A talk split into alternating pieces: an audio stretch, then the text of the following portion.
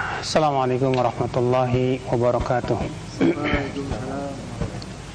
Alhamdulillah nahmaduhu wa nasta'inuhu wa nastaghfiruh wa na'udzu billahi min shururi anfusina wa min sayyiati a'malina man yahdihillahu fala mudilla lahu wa man yudlil fala hadiya lahu Asyhadu an la ilaha illallah wahdahu la syarika lah wa asyhadu anna Muhammadan abduhu wa rasuluh قال الله تعالى في كتابه الكريم يا أيها الذين آمنوا اتقوا الله حق تقاته ولا تموتن إلا وأنتم مسلمون أما بعد Saudaraku seiman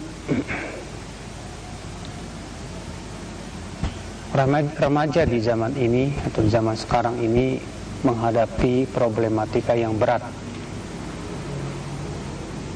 Kenapa saya katakan berat? Karena zaman ini zaman yang sangat penuh dengan fitnah. Fitnah berupa fitnah syahwat, fitnah juga berupa fitnah syubhat. Sedangkan jiwa remaja itu masih sangat labil dan dia sangat mudah sekali terpengaruh. Mudah dia ter terombang-ambing ke sana kemari jika Allah Subhanahu wa taala tidak merahmatinya, dia akan terhempas. Dia akan mengikuti arus-arus yang tidak yang tidak baik tentunya. Tapi kalau Allah merahmatinya, Allah akan bimbing dia kepada kebaikan. Maka saudaraku seiman azani Allah wa iyyakum betapa pentingnya pembahasan masalah problematika remaja Kenapa? Karena memang remaja ini adalah merupakan penerus yang akan datang. Generasi yang akan menggantikan orang-orang yang sudah tua. Dan generasi penerus inilah yang menjadi bidikan ya orang-orang yang ingin merusak mereka. Ya orang-orang yang notabene pemikirannya ya menyimpang, duniawiyah, materialistik. Demikian pula berbagai macam penyimpangan-penyimpangan yang lainnya, mereka justru memang yang mereka incar, adalah para pemuda atau para, para remaja-remaja yang memang masih labil dan masih seperti gelas yang kosong siap untuk diisi tergantung diisi apa Maka saudaraku seiman azani Allah wa iyakum seorang seorang remaja sangat membutuhkan bimbingan. Demikian pula seorang remaja sangat membutuhkan idola. Seorang remaja juga sangat membutuhkan teman. Seorang remaja juga sangat membutuhkan lingkungan Maka problematika yang sangat besar yang dihadapi oleh seorang remaja adalah ketika ternyata ia memiliki teman dan lingkungan yang tidak mendukung. Masalah teman ini masalah yang sangat urgent. Oleh karena itulah Allah Subhanahu wa taala dalam Al-Qur'an menyebutkan tentang penyesalan seorang penduduk api neraka yang masuk neraka karena teman. Allah berfirman dalam surat Al-Furqan ayat 28. Ya Allah menyebutkan qala ya wailata laitani lam attakhid fulanan khalila. Laqad adallani 'ani dzikri ba'da ja'ani. Berkata penduduk api neraka itu, aduh andaikan aku tidak menjadikan si fulan sebagai teman akrab saya. Sebagai khalil. Sungguh ia telah menyesatkan aku setelah datangnya peringatan kepada diriku. Subhanallah. Penyesalan yang sudah tidak ada gunanya lagi. Ternyata ia masuk neraka karena salah bergaul. Berapa banyak remaja yang dia itu terkena apa namanya slogan-slogan yang dia kira itu sebagai sebuah kebenaran. Apa itu? Yaitu katanya kita harus gaul. Jangan kuper. Akhirnya kata-kata ini ya menghunjam di hatinya, mengiang-ngiang di telinganya. Dia mengatakan saya nggak boleh kuper, saya harus gaul, saya harus gaul, saya harus gaul. Akhirnya apa yang terjadi? Demi untuk disebut gaul dan tidak ingin disebut kuper, akhirnya ia bergaul kepada semua orang, tidak peduli apakah orang itu akan menyelamatkan agamanya atau tidak.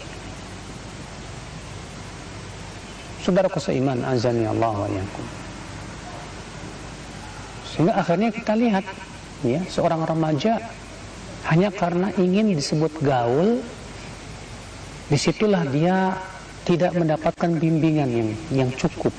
Bagaimana dia harus bergaul? Maka ia bergaul dengan orang-orang yang dia pandang itu manfaat untuk dirinya. Dia bergaul dengan orang-orang yang dia memandang cocok dengan keinginannya. Saudaraku seiman azani Allah wa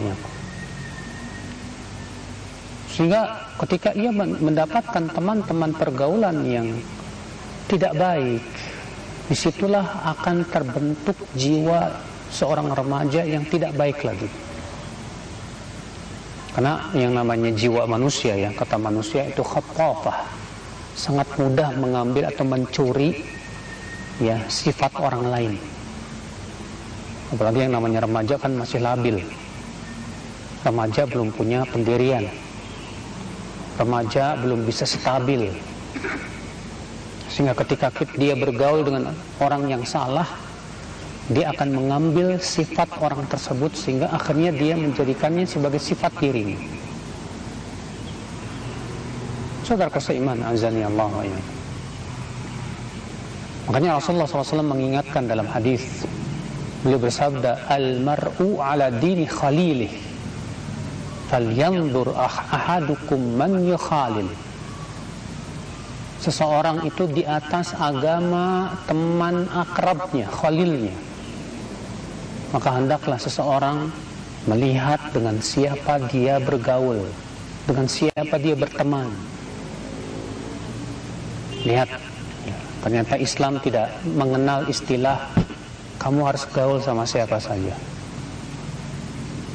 Islam hanya mengenal, memilah, dan memilih teman. Bukan bergaul dengan siapa saja. Maka saudaraku sekalian, ini sebuah problematika yang penting untuk kita sadarkan para remaja. Bahwa kamu jangan sampai terseret oleh kata-kata kamu harus gaul, gaul, gaul.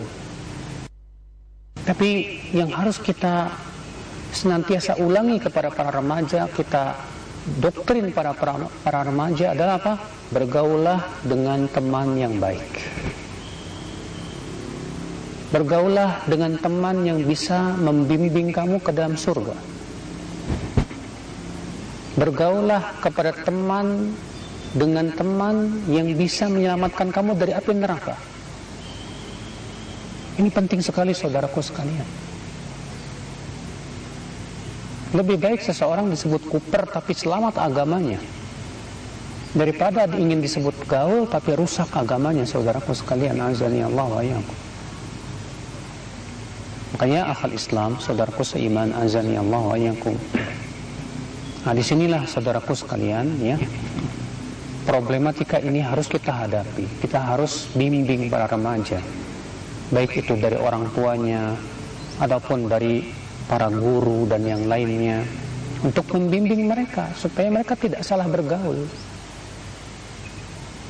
Ya, ketika salah bergaul dan kita biarkan biarkan biar terjadi pergaulan yang salah itu membentuk pribadi dia untuk mengubahnya lagi sulit. Sulit sekali.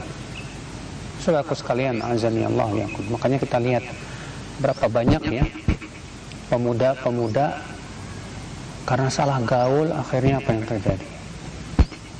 Ya dia berubah penampilan. Yang tadinya penampilan seorang remaja jadi penampilan seorang remaji. Apa namanya itu? Ya yang disebut dengan LGBT yang di zaman sekarang ini mengerikan sekali saudaraku sekalian azalnya Allah wa menggeliat dan yang selalu dibidik para remaja. Karena mereka tahu para remaja ini masih sangat labil sekali. Saudaraku seiman. Maka ini problematika yang pertama. Yaitu problematika yang berhubungan dengan pergaulan saudaraku sekalian. Azani Allah wa yang harus kita ingatkan para pemuda dan para remaja jangan sembarangan bergaul tapi bergaulah dengan orang yang bisa memperbaiki agama kamu. Jangan sembarangan bergaul tapi bergaulah dengan orang yang akan bisa menyelamatkan kamu dari api neraka. Problematika yang kedua saudaraku seiman azannya Allah wa yaitu para pemuda, para remaja di zaman ini dihadapkan kepada handphone. Ini dia. Ya, bentuknya kecil, kotak. Tapi ia bisa menerawang kepada seluruh dunia. Ini problematika yang mengerikan sekali. Ini peng, mesin penghancur yang sangat mengerikan sekali, saudara. Kita lihat anak-anak bahkan rusak oleh ini HP. Banyak remaja dirusak oleh HP. Ini mengerikan sekali saudaraku sekalian azani Allah wa Orang tua orang tua yang banyak di antara mereka tidak peduli. Ya.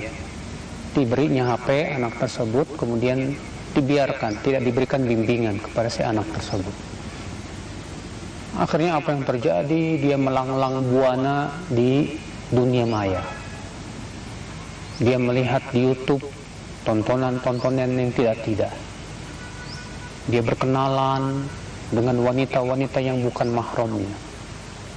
Di media-media sosial. Dan yang lainnya saudaraku sekalian azani Allah wa iyyakum. Akhirnya itu semakin menjauhkan dia dari menuntut ilmu Allah Azza wa Jalla. Iya. Kenapa?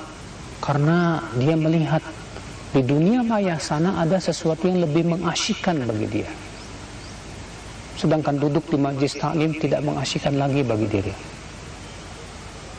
Maka ini Allah ya akal Islam saudaraku seiman. Wahai para remaja, jangan kalian dilalaikan oleh HP-HP kamu. Sadari bahwa HP yang ada di tangan kamu itu adalah yang bisa merusak diri kamu. HP ini bisa memasukkan kita ke dalam neraka. Dan bisa juga memasukkan kita ke dalam surga Allah Azza wa Jalla. Tergantung untuk apa kita pakai. Berapa banyak waktu kita habis? Tidak ada manfaatnya. Sia-sia. Berapa banyak keimanan yang luntur yang tadinya kuat ya beramal saleh kemudian lama-lama menjadi lemah beramal saleh Berapa banyak anak-anak yang durhaka kepada orang tua disebabkan oleh handphone. Berapa banyak saudaraku sekalian azani Allah wa yakum remaja yang berubah sikapnya disebabkan oleh handphone. Berapa banyak saudaraku sekalian azani Allah wa yakum ya orang-orang yang ya tadinya menuntut ilmu Allah dia ya rajin duduk di majlis taklim gara-gara handphone dia kemudian tinggalkan itu. La haula wala quwata illa billah. Maka ini problematika yang sangat besar, berat. Ya, yang akan yang harus dihadapi oleh seorang remaja yaitu handphone. Makanya bersyukurlah Anda wahai remaja yang ternyata orang tua Anda tidak membebaskan Anda untuk mem memakai handphone atau bahkan tidak memberimu handphone mungkin kamu remaja ketika melihat teman kamu pakai handphone kamu merasa iri kenapa saya nggak dikasih handphone tapi sebetulnya kamu harus tahu dan sadar bahwa ketika kamu tidak punya handphone itu lebih baik buat kamu. Karena kamu tidak punya handphone, kamu lebih bisa fokus belajar. Tontonan-tontonan di dunia maya sana, wahai remaja, menyebabkan otak kamu itu butek. Ya. Apa namanya? Tumpul pemahaman kamu. Kenapa? Karena sudah sering menonton hal-hal yang tidak-tidak di dunia maya sana.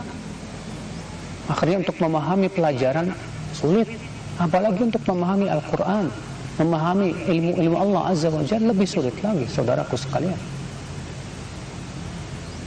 Masya Allah, subhanallah. Makanya HP ini fitnah dahsyat di zaman ini. Banyak orang yang tidak selamat dari fitnah HP. Ini belum ini baru fitnah HP, baru gimana nanti fitnah dajjal. Fitnah HP saja kita nggak selamat. Apalagi dengan fitnah Dajjal lebih berat lagi saudaraku sekalian. Azan ya Allah Makanya akal Islam azan ya Allah wa Ini problematika yang kedua yang harus dihadapi oleh seorang remaja. Itu menghadapi dunia maya yang ada di kantong-kantong kita. Ya. Problematika yang ketiga, saudaraku, ini para remaja, yaitu yang berhubungan dengan masalah cinta kepada lawan jenis. Yang namanya jatuh cinta itu pasti kepada lawan jenis pasti. Karena yang namanya manusia memang laki-laki difitrahkan untuk menyukai wanita, wanita difitrahkan untuk menyukai apa? laki-laki ya Nah, ketika seorang remaja sudah jatuh cinta, jatuh cinta kepada seorang akhwat gitu ya, seorang wanita, ini masya Allah menjadi musibah besar bagi hidupnya, menjadi pintu talbis iblis buat dia, sehingga ya memalingkan ia dari mengingat Allah Azza wa Jalla. Menjadikan terkadang seorang remaja, seorang pemuda tidak peduli lagi dengan batasan-batasan Allah Azza wa Jalla sehingga ia dipermainkan hatinya. Ya jatuh cinta dengan ingat si dia ingat dia ya gimana caranya bisa mendekati dia? Ya belum lagi fitnah pacaran. Ya katanya dengan adanya syubhat pacaran itu untuk saling mengenal. Nanti kalau nggak kenal nggak sayang. Ya masa tahu-tahu nikah nggak kenal padahal hati hakikat pacaran itu saudaraku sekalian itu semua kamuflase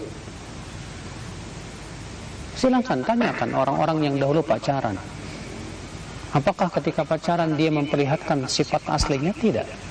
Dia akan menyembunyikan kekurangan-kekurangan di hadapan tersebut. Belum lagi di sana ada fitnah yang lain apa? Berdua-duaan.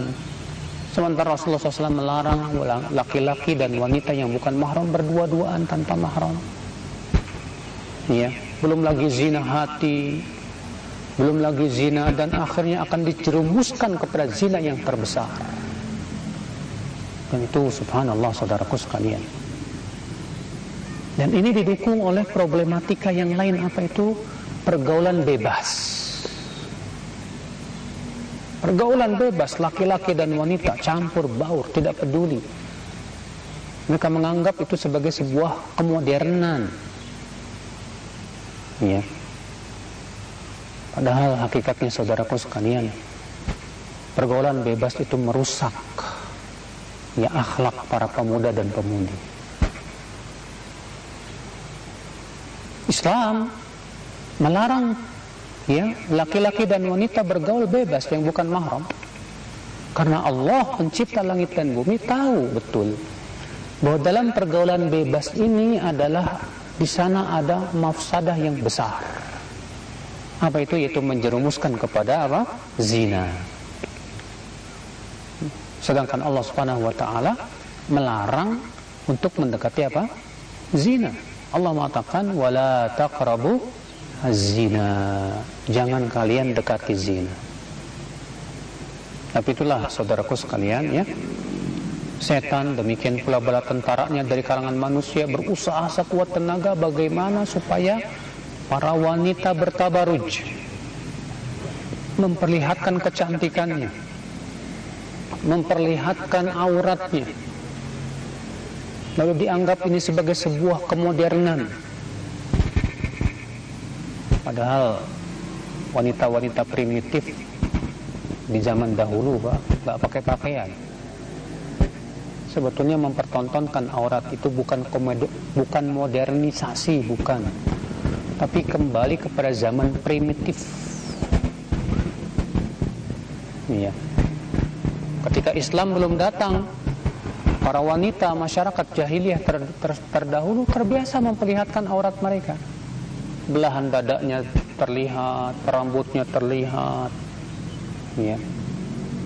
Kemudian Islam datang memerintahkan wanita-wanita untuk apa? Menutup aurat. Kemudian di zaman sekarang para syayatin dari kalangan jin dan manusia berusaha sekuat tenaga supaya apa? Para wanita mempertontonkan auratnya.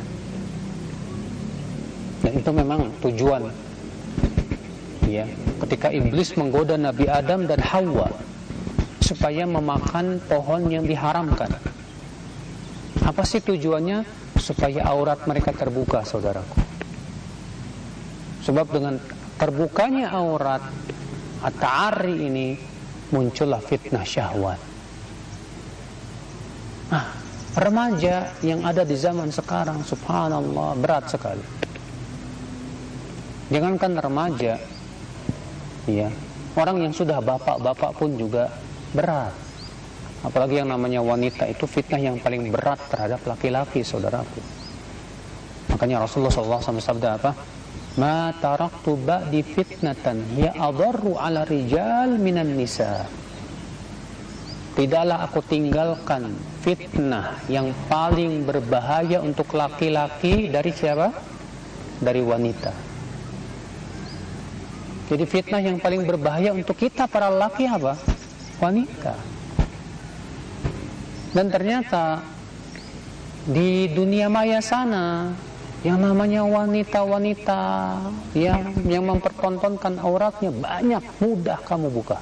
Sangat mudah sekali. Allah yang merusak keimanan saudaraku sekalian azani Allah wa yakum ini problematika yang mengerikan sekali. Iya pergolan bebas.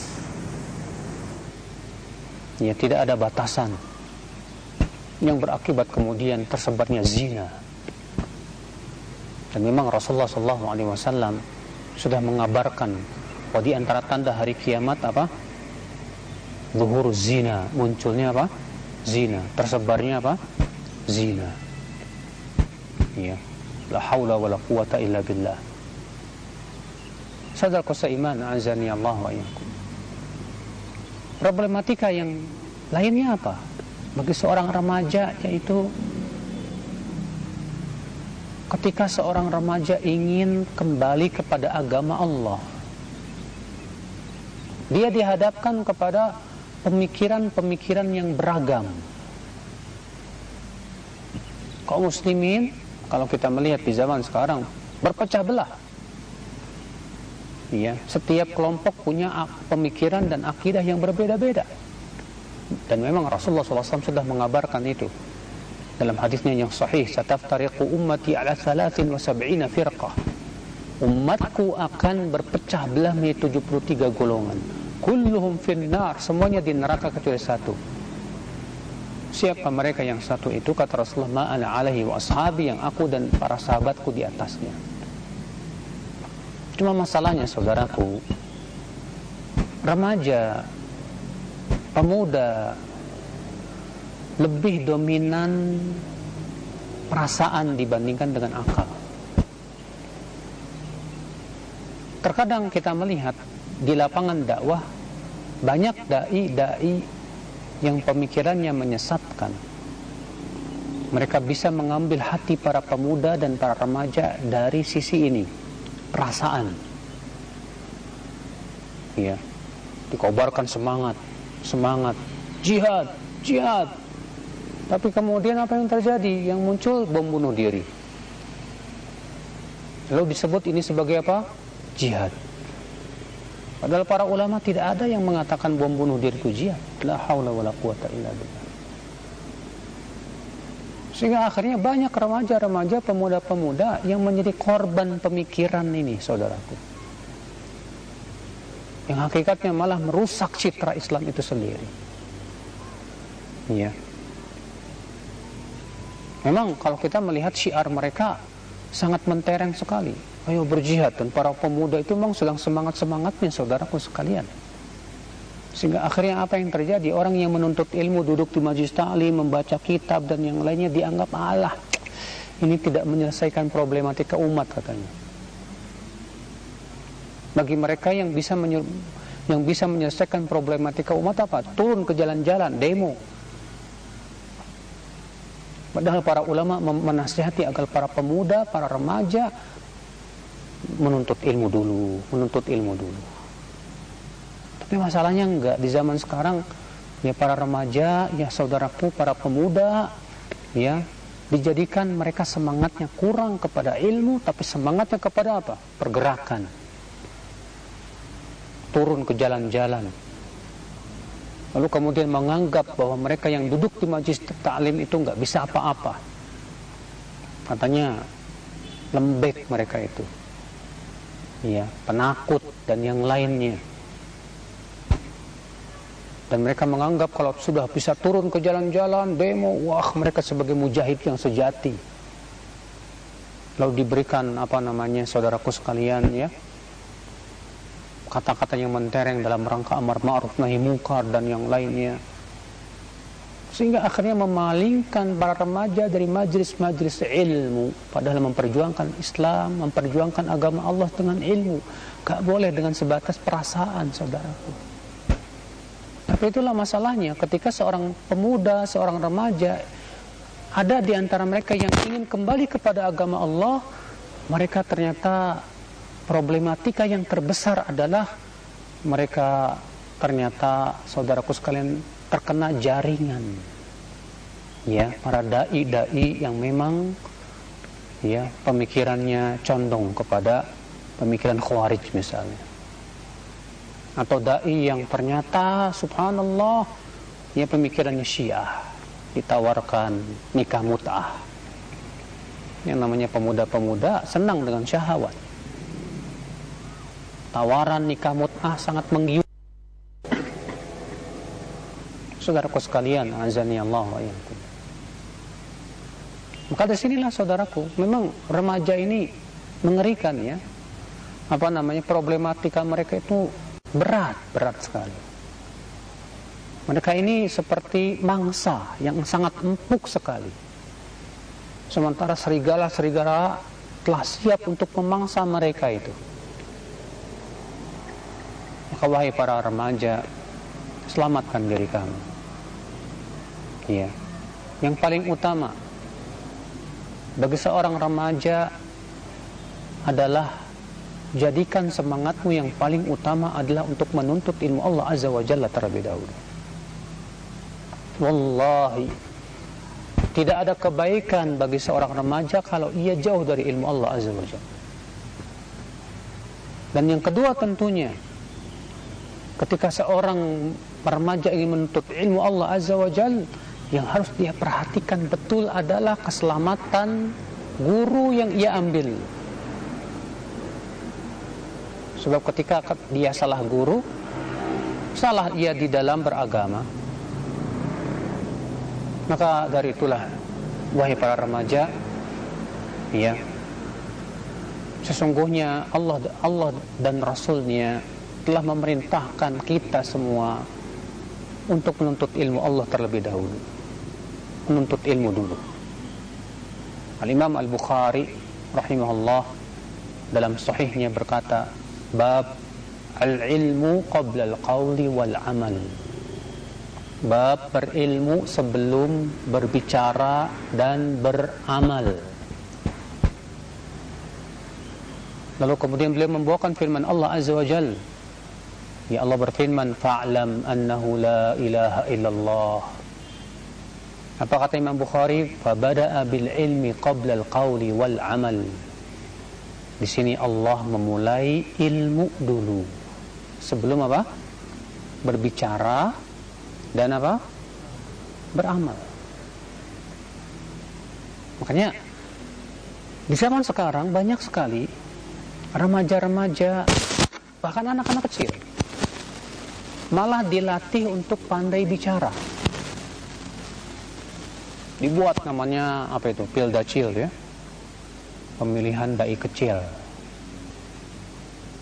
Padahal anak kecil subhanallah seharusnya di awal-awal itu hendaknya mereka dididik dulu dengan berbagai macam ilmu.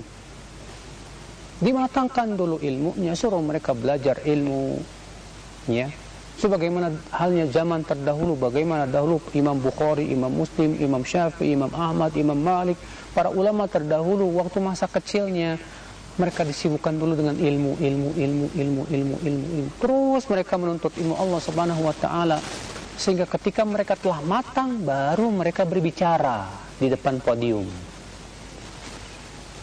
Di depan audien. Zaman sekarang enggak. Seorang remaja dilatih untuk pandai bicara, pandai berkomentar. Ya. Baru dia menuntut ilmu, mungkin dari belajar baru belajar hadis 1 2 3 4 5. Tapi masya Allah sudah pandai komentar di, di mana di media sosial, mengerikan sekali. Sudah gitu kalau kok komentar, ya, yang dia dahulukan adalah pendapat pribadinya dia lecehkan para ulama besar. Bahkan mem memandang dirinya seakan-akan dia sudah setara dengan para ulama. La haula wala quwata illa billah. Ini wallahi mengerikan sekali. Ya. maka saudaraku seiman para remaja wahai para remaja ya semangatkan dirimu untuk menuntut ilmu dulu deh pelajari ya ilmu-ilmu Allah Azza wa Jal, pelajari Al-Quran, pelajari hadis Nabi Shallallahu Alaihi Wasallam. Ya, contoh para ulama terdahulu. Ya, ada lihat bagaimana Imam Bukhari umur 14 tahun sudah hafal 70 ribu hadis. Beliau sudah hafal Muwatta Imam Malik. Coba deh, ya di usia remaja kalian sibukkan dengan menghafal Al-Quran, menghafal hadis, menghafal matan-matan ilmu. Itu lebih baik buat kamu daripada kamu disibukkan dengan HP, ya, daripada kamu disibukkan dengan hal-hal yang banyak tidak ada manfaatnya. Wallahi. Sebab ketika kamu di waktu masa remajanya sibuk dengan ilmu, ilmu dan ilmu kelak nanti setelah kamu dewasa kamu pun bisa tahu bagaimana bersikap, bagaimana ber memperjuangkan syariat Allah Azza wa Jal sesuai dengan ya manhaj para nabi. Bukan sebatas semangat, semangat, semangat bukan. Saudaraku seiman, anzani Allah wa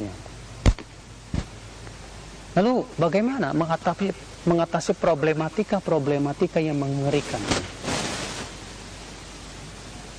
Tentunya saudaraku sekalian, yang dibutuhkan di zaman sekarang adalah yaitu bimbingan bagi seorang pemuda. Para remaja ini sangat membutuhkan pembimbing, para guru yang membimbing mereka kepada kebaikan. Dibimbing gimana caranya bergaul dalam Islam. Ya, beritahu kepada mereka bahwa kita bergaul tujuannya supaya menyelamatkan agama kita. Kita bergaul tujuannya supaya mendapatkan manfaat dunia dan akhirat. Bukan sebatas bergaul kemudian pengen jago-jagoan. Ya kalau sudah salah apa salah bergaul yang namanya remaja ya punya sifat pengen wah, pengen kelihatan hebat dan yang lainnya kita lihat ya. Ini ada geng motor. Tadinya cuma motor-motoran saja. Lama-lama apa? Jago-jagoan. Lama-lama apa? Berbuat kejahatan. Iya. Ada lagi yang bikin geng yang ini, geng yang ini. Akhirnya tawuran. dan menganggap kalau mereka sudah menang, wah itu sebagai sebuah kehebatan. Ini kenapa sebabnya? Karena inilah kurangnya bimbingan saudaraku. Bimbingan-bimbingan yang dari para guru yang ternyata terkadang kita melihat para guru di sekolah-sekolah pun juga ternyata tidak bisa untuk menjadi apa? Ya, guru yang betul-betul bertanggung jawab untuk membimbing mereka. Banyak di zaman sekarang guru-guru hanya sebatas ingin dapat gaji, ngajar, selesai. Tidak ada kepikiran gimana caranya supaya muridnya ini betul-betul menjadi murid yang sudah benar, yang bisa menjadi betul secara akhlaknya, moralnya, akidahnya, agamanya dan yang lain. Saudara seiman, azani Allah wa Betapa pentingnya seorang remaja untuk tahu siapa yang harus diidolakan. Kita lihat ya seorang remaja ketika mengidolakan misalnya contoh misalnya bintang sepak bola. Dia mengidolakan bintang sepak bola dan ternyata bintang sepak bolanya juga bukan muslim misalnya. Atau muslim tapi ternyata tingkah lakunya tidak islami sama sekali. Berakibat apa yang terjadi? Kalau orang seorang remaja sudah mengidolakan sesuatu, dia akan menjadikan idolanya itu sebagai parameter dalam hidupnya. Akhirnya dia ikuti gaya pakaiannya, dia ikuti gaya apa? Rambutnya, dia ikuti juga. Akhirnya ketika dia salah mengidolakan, musibah buat dia. Nah, kita bimbing, jadikan seorang remaja itu cinta para ulama Kenalkan siapa Imam Bukhari, bagaimana kehidupan Imam Bukhari terhadap mereka. Bagaimana masa remaja Imam Bukhari. Kenalkan kepada mereka bagaimana Imam Syafi'i rahimahullah, bagaimana biografi beliau, kehebatan beliau yang luar biasa. Supaya apa? Supaya remaja ini mencintai para ulama, saudaraku. Sebab kalau remaja itu sudah yang dia cintai para ulama, itulah yang akan mendekatkan dia kepada Allah Azza wa Jalla. Tapi ketika yang dia cintai oleh seorang remaja, yang diidolakan oleh remaja ternyata bukan orang-orang saleh, bukan orang-orang saleh. Wallahi itu yang merupakan awal kerusakan dia. Awal kerusakan remaja itu ketika dia salah mengidolakan. Salah dia apa?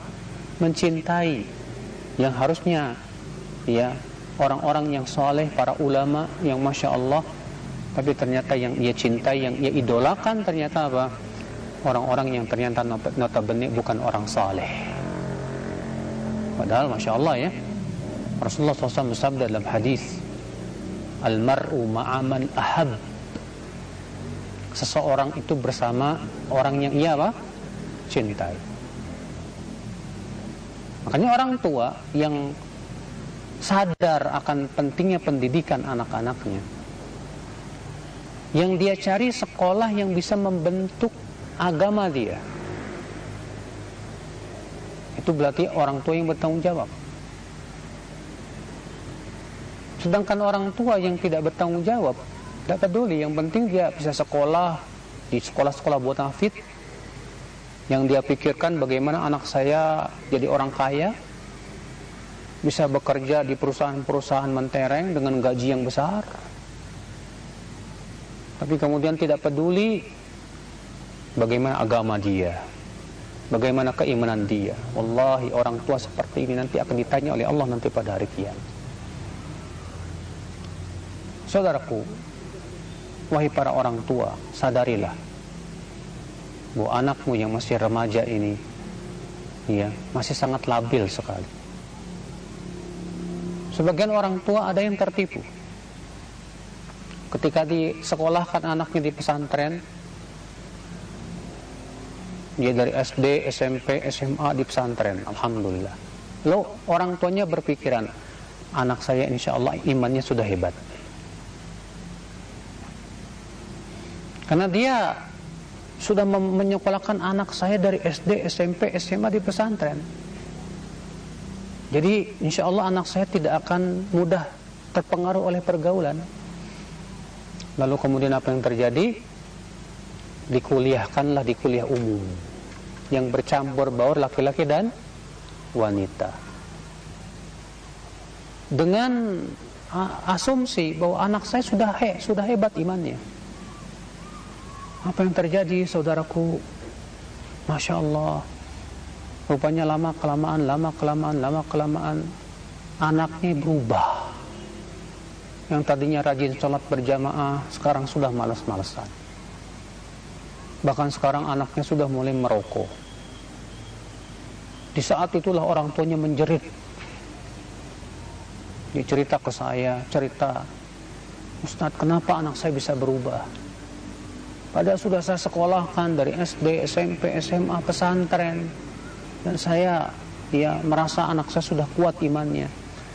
Saya katakan kepada orang tua seperti ini, La ilaha illallah. Inilah kesalahan ya. Apakah dia kira yang namanya orang yang soleh itu ketika dimasukkan dalam lingkungan yang buruk tidak akan berubah? Coba kamu lihat unta yang sehat saja kalau dimasukkan di tengah-tengah unta yang sakit semuanya kira-kira unta yang sehat ini ikut sakit nggak? ikut sakit ya. Tapi saya sudah sekolahkan dia dari SD, SD, SMP, SMA, dia pesantren. Gak jaminan. Gak ada jaminan orang yang soleh itu tidak akan berubah.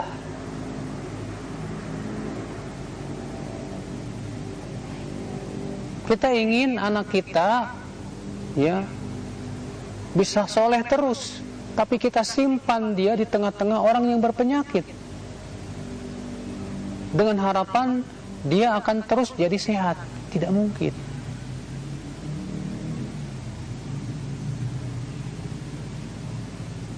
Maka dari itulah saudaraku sekalian, azani Allah wa yakum. Sila orang tua juga ya sangat apa namanya harus memikirkan keselamatan agama anak-anak. Lihat Nabi Yakub alaihissalatu wassalam. Ya ketika ia hendak meninggal dunia dikumpulkan anak-anaknya. Apa pertanyaan Nabi Yakub kepada anak-anaknya, saudaraku? Apa kata Nabi Yakub? Ma ta'buduna min ba'di. Hai anak-anakku, apa yang akan kalian ibadahi setelahku nanti? Nabi Yakub tidak berkata, "Ma ta'kuluna min ba'di." Apa yang akan kalian mak makan setelahku nanti? Kalian nanti setelahku makan apa? Tidak, tidak dipikirkan sama Nabi Yakub karena rezeki sudah Allah atur semuanya. Yang dipikirkan oleh Nabi Yakub kepada anak-anaknya bagaimana agama mereka setelah beliau meninggal dunia. Demikian seharusnya orang tua yang dia pikirkan bagaimana supaya anak-anaknya menjadi orang-orang yang mentauhidkan Allah Azza wa Jal, yang menjauhkan kesyirikan, menjadi anak-anak yang kuat agamanya, saudaraku dan saudaraku sekalian azani Allah wa iyyakum. Maka ini subhanallah ya. Jangan dilalaikan masalah ya bimbingan ini. Penting sekali untuk ada pembimbingan-bimbingan untuk para remaja ini. Ya dengan bimbingan yang benar yang sahih yang sahih yang sahih yang sesuai dengan pemahaman salafus salih. Agar mereka selamat dari pergaulan yang tidak baik. Demikian pula selamat yang terpenting juga adalah apa? Dari syubhat pemikiran yang bisa menyesatkan mereka. Saudaraku seiman azani Allah wa Makanya penting ya. Masjid-masjid ini dijadikan sebagai apa? Markaz. Karena kita melihat sekarang ya sekolah-sekolah umum pendidikan agamanya sangat minim sekali. Itu yang sangat disayangkan. Berarti mau tidak mau apa yang harus kita lakukan para dai harus turun tangan. Para ustadz harus turun tangan untuk mendidik para remaja. Jadikan masjid sebagai markas, sebagai center untuk pendidikan para remaja. Cuma masalahnya saudaraku sekalian, musuh-musuh Islam pun tidak akan pernah tinggal diam ya. Ketika kita berusaha ya, mendirikan sekolah-sekolah supaya para remaja ini tumbuh di atas kebaikan. Eh, malah para musuh Islam itu dengan mulut-mulut mereka berusaha untuk apa? Memadamkan cahaya Allah. Itu katanya masih kecil kok sudah diajarin teroris. Suruh cingkrang dan yang lainnya. Ya, memang demikian memang. Orang-orang yang tidak suka kepada agama Allah akan berusaha memadamkan cahaya Allah. Allah yang mengatakan demikian, yuriduna an yutai'u nurallahi bi afwahihim wa ya'ballahu illa ayyutimma nurahu walau karihal kafirun mereka ingin sekali memadamkan cahaya Allah dengan mulut-mulut mereka itu. Akan tetapi Allah enggan kecuali menyempurnakan cahayanya. Walaupun orang-orang kafir itu tidak suka. Maka di sinilah kita harus sabar, terus sabar. Mendidik para remaja ini. Karena mereka generasi akan datang. Iya, generasi akan menggantikan orang-orang tua. Kalau generasi mudanya remaja ini rusak, kelak di ke depan pun negara ini akan rusak. Sebab mereka lah nanti para remaja lah yang akan memimpin negara, yang akan mengurus negara, mengurus masyarakat. Nah, kalau misalnya remaja-remaja sekarang rusak, mabuk-mabukan dan yang lainnya, maukah kita nanti suatu ketika mereka menjadi pemimpin-pemimpin yang ternyata apa yang terjadi? Tidak peduli sama agama Allah Azza wa Jalla seperti yang kita lihat juga di zaman sekarang. Dan sangat sangat mungkin nanti akan terjadi di negeri kita misalnya arak di apa? Di di apa namanya dilegalkan. Perzinahan dilegalkan. Dan ini sudah sudah kita lihat. Kenapa? Ya karena dari remajanya sudah tumbuh di atas sesuatu yang tidak baik. La haula wala quwata illa billah saudaraku seiman azan ya Allah wa iyakum. Ini kita membutuhkan gerakan islah, perbaikan. Ya dengan ilmu yang benar, membawa keimanan kepada Allah Azza wa Jalla. Menjadikan seorang pemuda dan remaja yang tumbuh di atas ibadah kepada Allah Azza wa Jalla.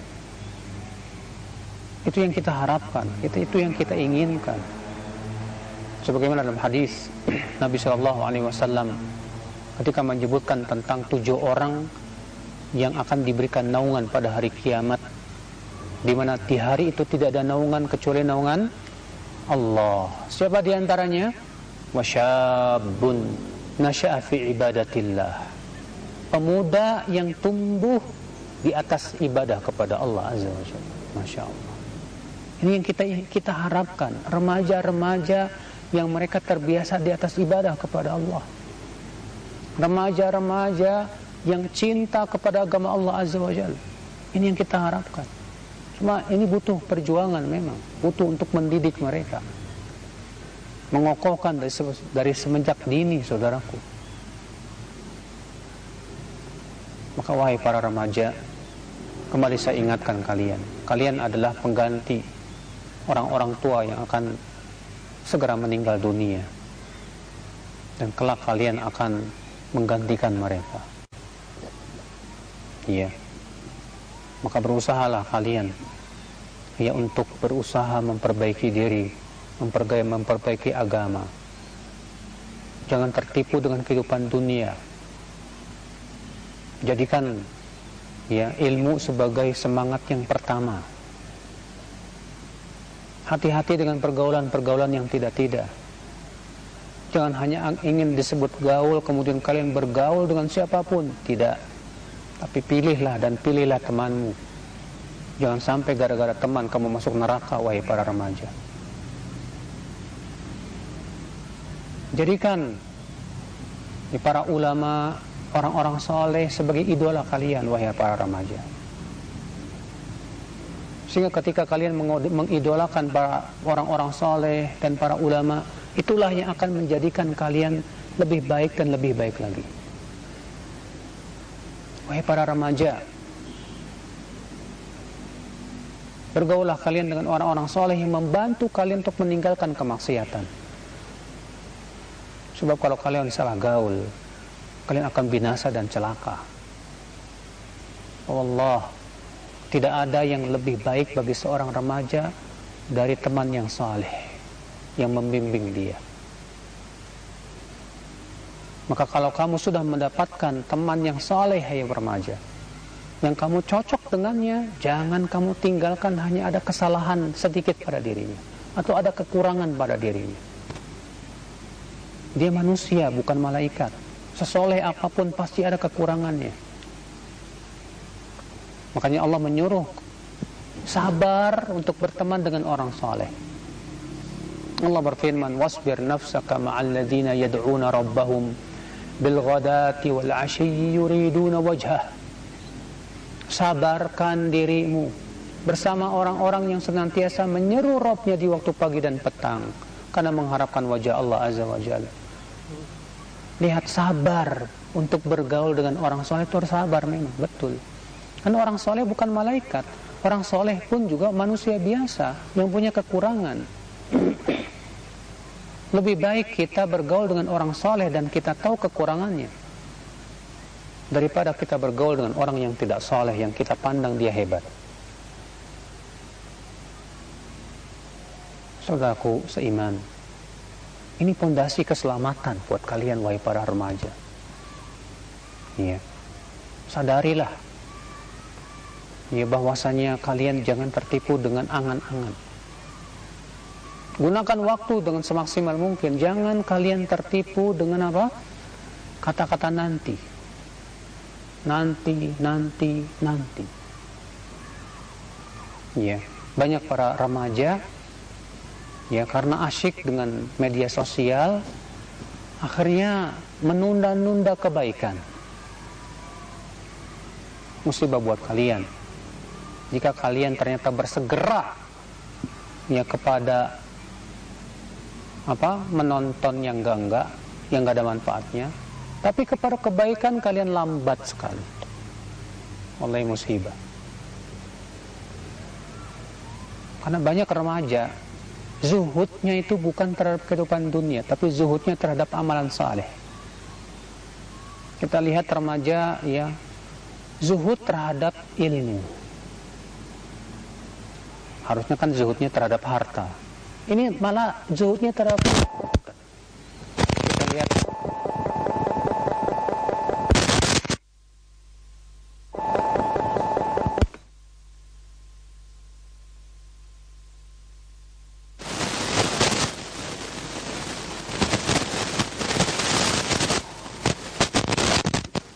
tes tes.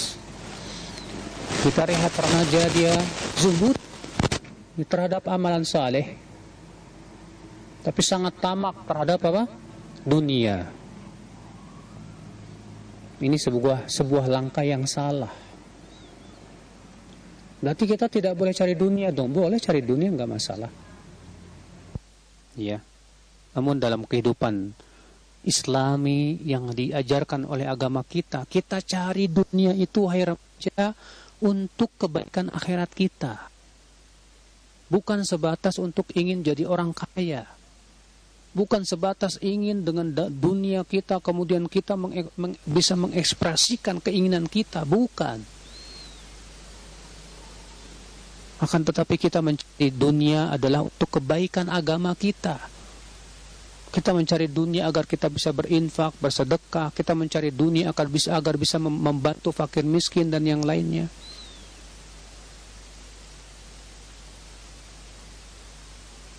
Maka dari itulah wahai remaja, jangan tertipu oleh teknologi. Jangan kalian merasa bahwa belajar ilmu teknologi lebih hebat daripada belajar ilmu agama. Banyak remaja, banyak pemuda merasa bangga kalau dia bisa belajar fisika, biologi, kimia, tapi ia merasa minder kalau ia belajar ilmu agama. Ini sebuah kesalahan, wahai remaja. Ilmu agama itu adalah ilmu tentang Allah Tuhanmu. Ilmu agama itu ilmu tentang syariat penciptamu. Itu jauh lebih utama daripada ilmu dunia. Kalian gak masalah belajar ilmu dunia. Ya, untuk memperbaiki dunia gak masalah, tapi jangan lalaikan menuntut ilmu Allah Azza wa Jal. Agar kalian kenal siapa penciptamu, wahai remaja. Agar kalian kenal siapa nabimu. Agar kalian tahu syariat Rabbmu. Apa hak-hak Tuhanmu terhadap dirimu? Karena kamu ini manusia yang diciptakan oleh Allah Azza wa Jalla, wahai remaja. Sadari bahwa kamu itu adalah hamba.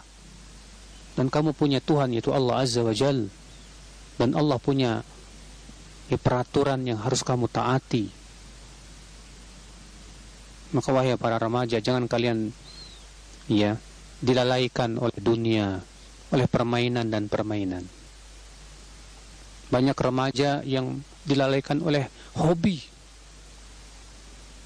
Hobi nggak masalah. Kalian hobi sepedahan silakan. Kalian hobi futsal silakan.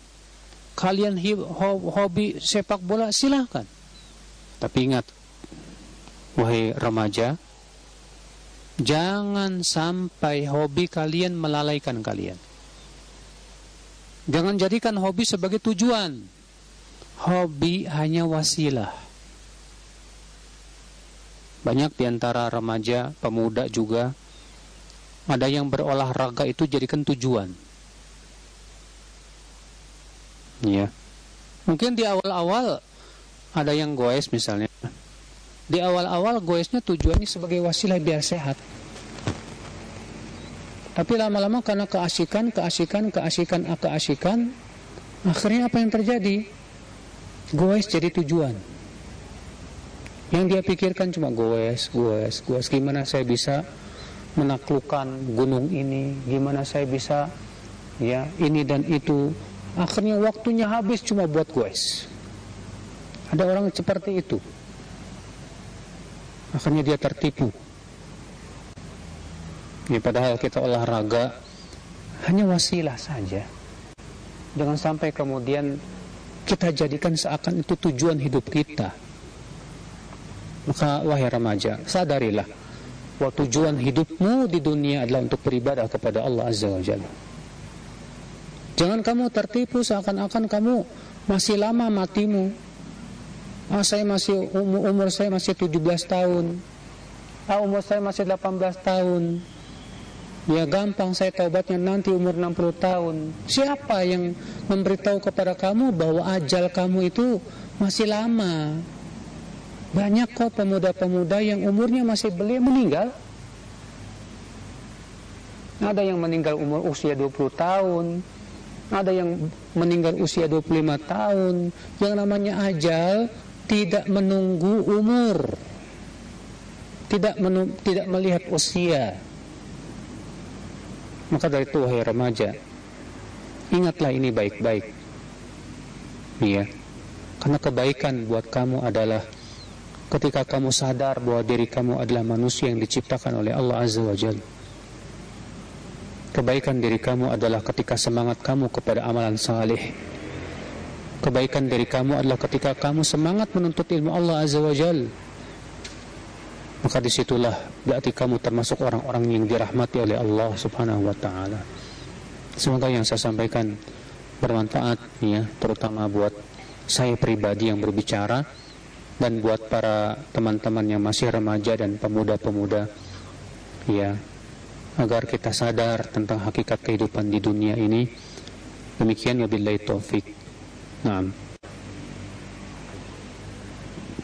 Nah, Alhamdulillah, Insya Allah eh, telah kita simak bersama pembahasan atau materi yang sangat menarik sekali, sekaligus mengerikan ya, problematika remaja di saat ini yang kita tentunya berdoa kepada Allah SWT agar kita dilindungi dan diberikan teman-teman yang soleh agar kita bisa istiqomah di agama ini. Baik, untuk selanjutnya kita akan buka sesi soal jawab kita interaktif ya, yang berada di sini dan mungkin yang berada di rumah yang sedang menyimak kami atau di mana pun anda berada, ya kami mohon maaf tidak bisa membuka soal jawab dengan antum semua yang sedang menyimak kami. Tanya jawab hanya kami khususkan yang hadir e, bersama kita di Bogor ini.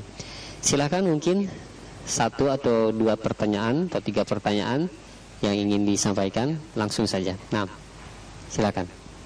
Siapa dulu? Oh iya, silakan. silakan.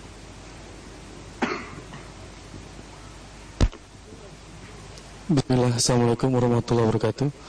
Assalamualaikum. Ustaz mau bertanya, uh, bolehkah kita para pemuda uh, menuntut ilmu agama ini kepada siapa saja? Karena dengan kaidah ada yang bilang kaidah ambil yang baik, buang yang buruk. Begitu.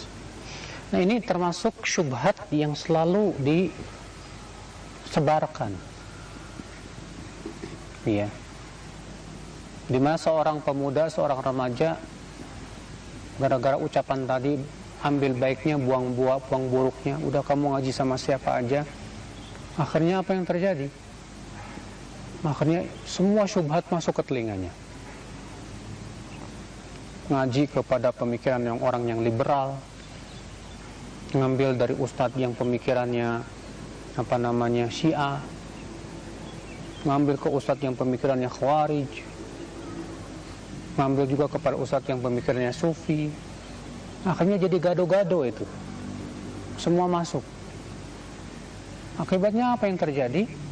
Dia tidak tahu tentang akidah yang dibawa oleh Rasulullah dan para sahabatnya. Makanya para ulama terdahulu mengatakan seorang pemuda kalau diberikan oleh Allah guru yang lurus akidah dan manhajnya itu pemberian yang tak terhingga. Karena di awal-awal menuntut ilmu ternyata dia diberi hadiah oleh Allah guru yang apa? Ya, lurus akidahnya dan manhajnya. Maka orang seperti ini insya Allah selamat. Makanya seorang pemuda berusaha untuk memilah dan memilih bersungguh-sungguh minta kepada Allah agar ditunjukkan kepada jalan kebenaran ya jangan lupa untuk senantiasa minta kepada Allah ya Allah berikan aku hidayah kepada jalan yang lurus ihdinas siratal mustaqim kemudian sungguh-sungguhlah seorang pemuda minta kepada Allah agar diberikan ya apa namanya ustadz yang bisa membimbing dia kepada jalannya Rasulullah dan para sahabatnya sesuai dengan pemahaman salafus saleh. Nah demikian. Nah. Alhamdulillah baik terima kasih banyak syukur jazakallahu atas jawaban dan nasihatnya. Baik untuk selanjutnya silakan yang kedua ini ya silakan. Assalamualaikum warahmatullahi wabarakatuh Ustaz Assalamualaikum eh, terkait Tadi seorang remaja yang soleh bisa ikut-ikutan buruk jika berkumpul dengan teman yang buruk. Sedangkan realitas sekarang remaja itu banyak berkumpulnya malah di sosmed Ustaz. Jadi akhir-akhir ini tuh viral uh, tentang isu LGBT ya Ustaz. Jadi kaum LGBT tersebut mereka uh, rajin gitu dan gemar mengkampanyekan uh, pemikirannya gitu lewat sosial media yaitu yang saya tahu itu Twitter dan TikTok gitu Ustaz. Nah Ustaz pertanyaannya bagaimanakah menurut Ustaz jika kita ikut mengcounter kampanye mereka yang negatif dengan ikut-ikutan gitu berdakwah di aplikasi tersebut gitu Ustaz? Di mana sementara kita ketika kita install aplikasi tersebut uh, terbuka juga gitu pintu negatif di HP kita kan? Bagi sekolah iya. Tentu ya media-media sosial di sini semua yang ada di media sosial baik WhatsApp, Instagram apa dan yang lainnya ya. Facebook, TikTok dan yang lainnya. Ini sebetulnya wasilah saja. Semua masuk ke situ untuk memberikan apa? Mengemukakan pemikirannya, mengajak dan yang lainnya, bukan cuma LGBT, Syiah, liberal, ya demikian pula ateis dan semuanya masuk ke situ untuk apa? Merusak, untuk uh, mengajak. Maka dari itu ya kita melihat pertama, kalau masuknya kita ke media-media seperti itu memang ada manfaatnya. Ya. Dan kita berusaha untuk menyebarkan kepada mereka pemahaman yang benar. Ya dan kita berusaha untuk membantah pemikiran yang sesat di sana. Silahkan mimbab apa? Memang di sana ada mafsadahnya tapi di sana ada maslahatnya. Kalau memang antum yakin ya bahwa Bismillah saya masuk ke sini hanya sebatas upload selesai. Upload upload tapi tidak disibukkan dengan itu yang jadi masalah adalah ketika kita disibukkan misalnya kita punya kita masuk dakwah di Facebook apa yang terjadi kita disibukkan sama Facebook ya setelah ngupload nanti ngelihat like-nya berapa. Yang kedua, gimana komentarnya? Akhirnya apa yang terjadi? Tenggelam dalam perdebatan. Ini nggak bagus. Yang penting, yang yang bagus itu bagaimana? Kita upload aja udah selesai, jangan dilihat lagi. Upload aja, upload aja, upload aja. Ya. Kalaupun kita mau melihat, ya, coba untuk melihat dari sisi apa? Yang kita pikirkan adalah bagaimana supaya bisa apa namanya lebih memaksimalkan dakwah. Adapun kemudian sebagaimana kita lihat banyak ya ikhwan-ikhwan yang masuk ke dunia Facebook dengan tujuan berdakwah tapi malah masuk dalam kancah debat masuk dalam komentar-komentar yang negatif dan yang lainnya. Ini saya katakan tertipu. Ya magrur. Maka dari itulah ya saya ya saya sendiri masuk ke Instagram saya masuk ke Facebook tapi saya juga berusaha untuk menahan diri ya cuma upload upload upload. Yang penting saya sampaikan ilmu. Yang penting saya apa? Sampaikan ilmu. Kalau ada komentar yang negatif-negatif hapus saja delete selesai. Walaupun kemudian kita sibuk sampai kita marah-marah sampai kita babet. Apa sibuk banting HP dan yang lainnya karena kesal dan yang lainnya. Malah kita juga yang sakit. Kita yang stres dan yang lainnya. Itu sangat tidak bagus ya yang jelas itu hanya wasilah. Kita hanya berusaha sekuat tenaga ya untuk menyampaikan dakwah di sana. Dan jangan tersibukkan oleh media tersebut. Yang penting upload upload upload upload isinya kebenaran. Ilmu ilmu ilmu ilmu pahamkan tentang kebenaran. Iya.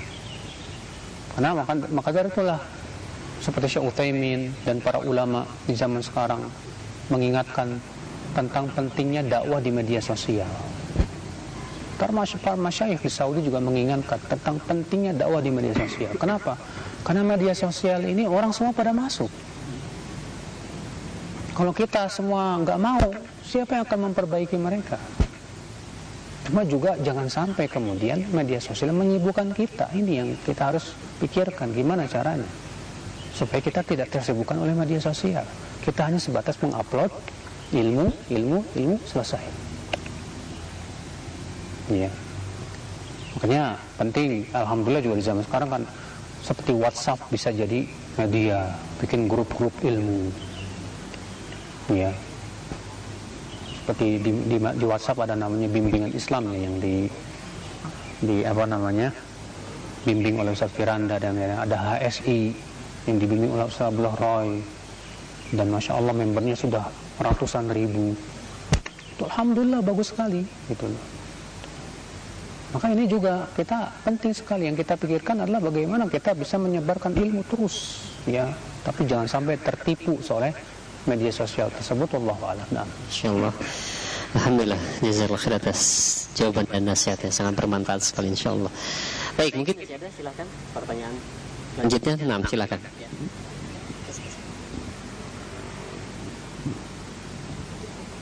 Assalamualaikum warahmatullahi wabarakatuh.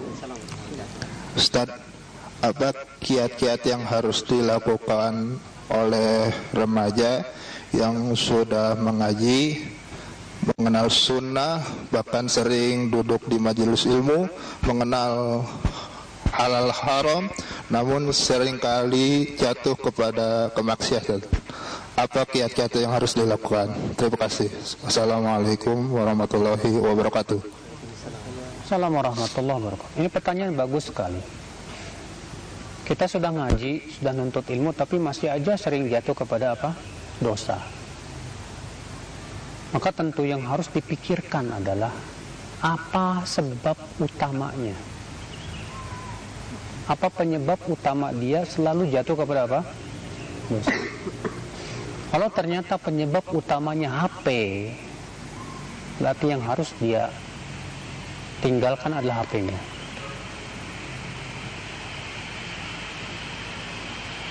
Karantina diri, kalau COVID aja kita karantina, kenapa kita nggak bisa mengkarantina diri HP?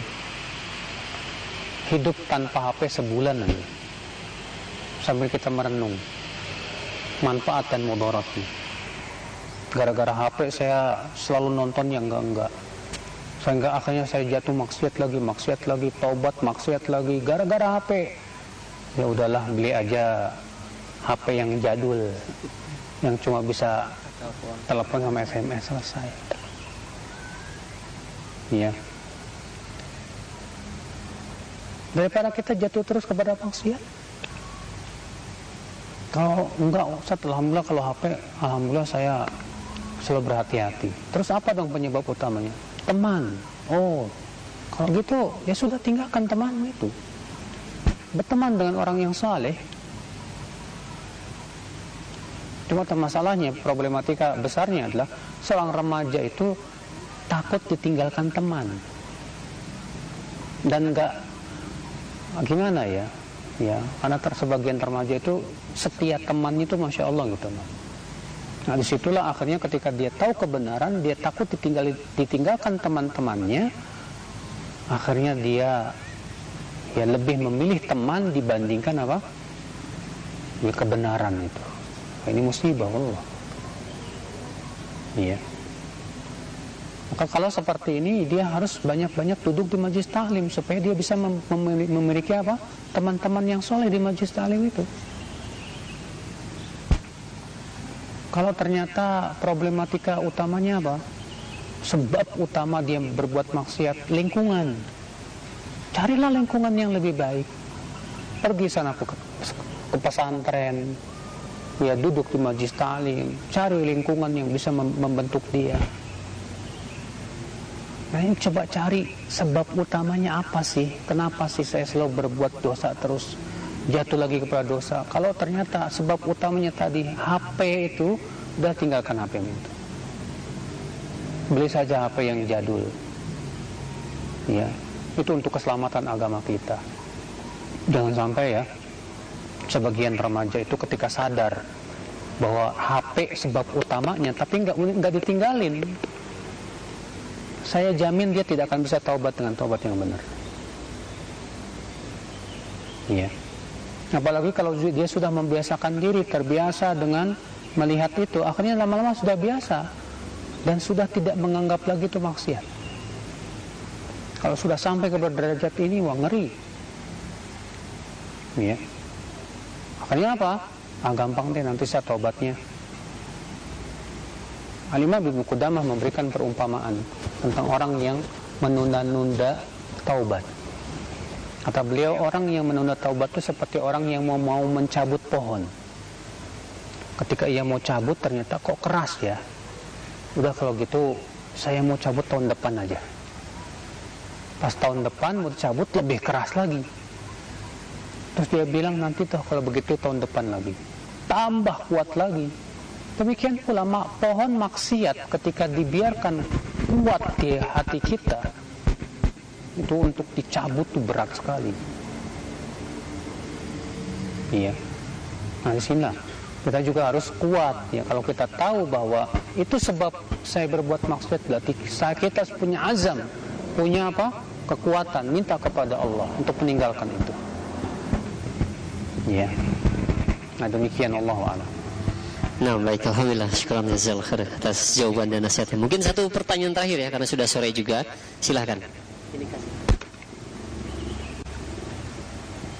Assalamualaikum warahmatullahi wabarakatuh. Ustaz saya ingin bertanya mengenai pemuda yang waktunya dihabiskan dengan main game online. Namun di sisi lain eh, pemuda itu uh, mengikuti ajang perlombaan game online itu yang mendunia dan bagaimana penghasilan dari penghasilan dari permainan itu Ustaz. Terima kasih. Assalamualaikum. Game online apa dalam masalah apa? Game-game seperti apa? Apakah game ini memang mendidik dan melatih? Ya, seperti misalnya game-game yang sifatnya melatih ilmu kita sehingga semakin menambah keilmuan kita atau hanya sebatas permainan yang nggak ada manfaatnya kalau nggak ada manfaatnya maka seorang muslim diminta oleh Allah dan Rasulnya untuk meninggalkan perkara yang nggak ada manfaatnya. Rasulullah SAW sabda apa? Min husni islamil mar'i tarkuhu malayani. Di antara tanda kebaikan Islam seseorang itu dia meninggalkan perkara yang nggak ada manfaatnya. Tapi kalau kita masih disibukkan dengan perkara yang nggak ada manfaatnya, maaf, keislaman kita belum baik. Karena Rasulullah mengatakan bahwa ke, kebaikan Islam seseorang itu adalah saat ia meninggalkan hal-hal yang nggak ada manfaatnya. Maka game-game online, kalau itu nggak ada manfaatnya buat hidup dia, buat agama dia, bahkan merusak waktu dia, menghabiskan waktu dia dari menuntut ilmu Allah Azza wa Jalla. Tinggalkan, tinggalkan. Makanya Allah memuji orang-orang yang beriman yang meninggalkan hal yang sia-sia. Allah berfirman, "Qad aflahal mu'minun." Sungguh telah beruntung orang yang beriman. Siapa dia? Alladzina hum fi salatihim khashi'un, yaitu orang-orang yang khusyuk dalam salatnya. Siapa lagi? Walladzina hum 'anil lagwi mu'ridun. Dan yaitu orang-orang yang berpaling dari lagun. Apa lagun tuh? Perkara yang sia-sia. Ya. Jangan jadikan perkara yang sia-sia sebagai apa? Sebagai mata pencarian. Imam Ibnu Qudamah dalam kitab beliau Al-Mughni ketika menyebutkan tentang hukum jual beli perkara yang tidak ada manfaatnya. Beliau mengatakan bahwa di antara jual beli yang diharamkan adalah jual beli perkara yang tidak ada manfaatnya. Dalilnya yaitu bahwa Nabi SAW melarang menjual bangkai. Hadisnya saya dan buat muslim. Kata sebagian ulama, kenapa bangkai dilarang dijual? Karena tidak ada manfaatnya. Tapi semua yang tidak ada manfaatnya tidak boleh diperjualbelikan. Nah ini masalah yang sifat, sifatnya nggak ada manfaatnya, game. Jangan dijadikan sebagai apa? Ya, mata pencaharian. Cari mata pencaharian yang sifatnya apa? Bermanfaat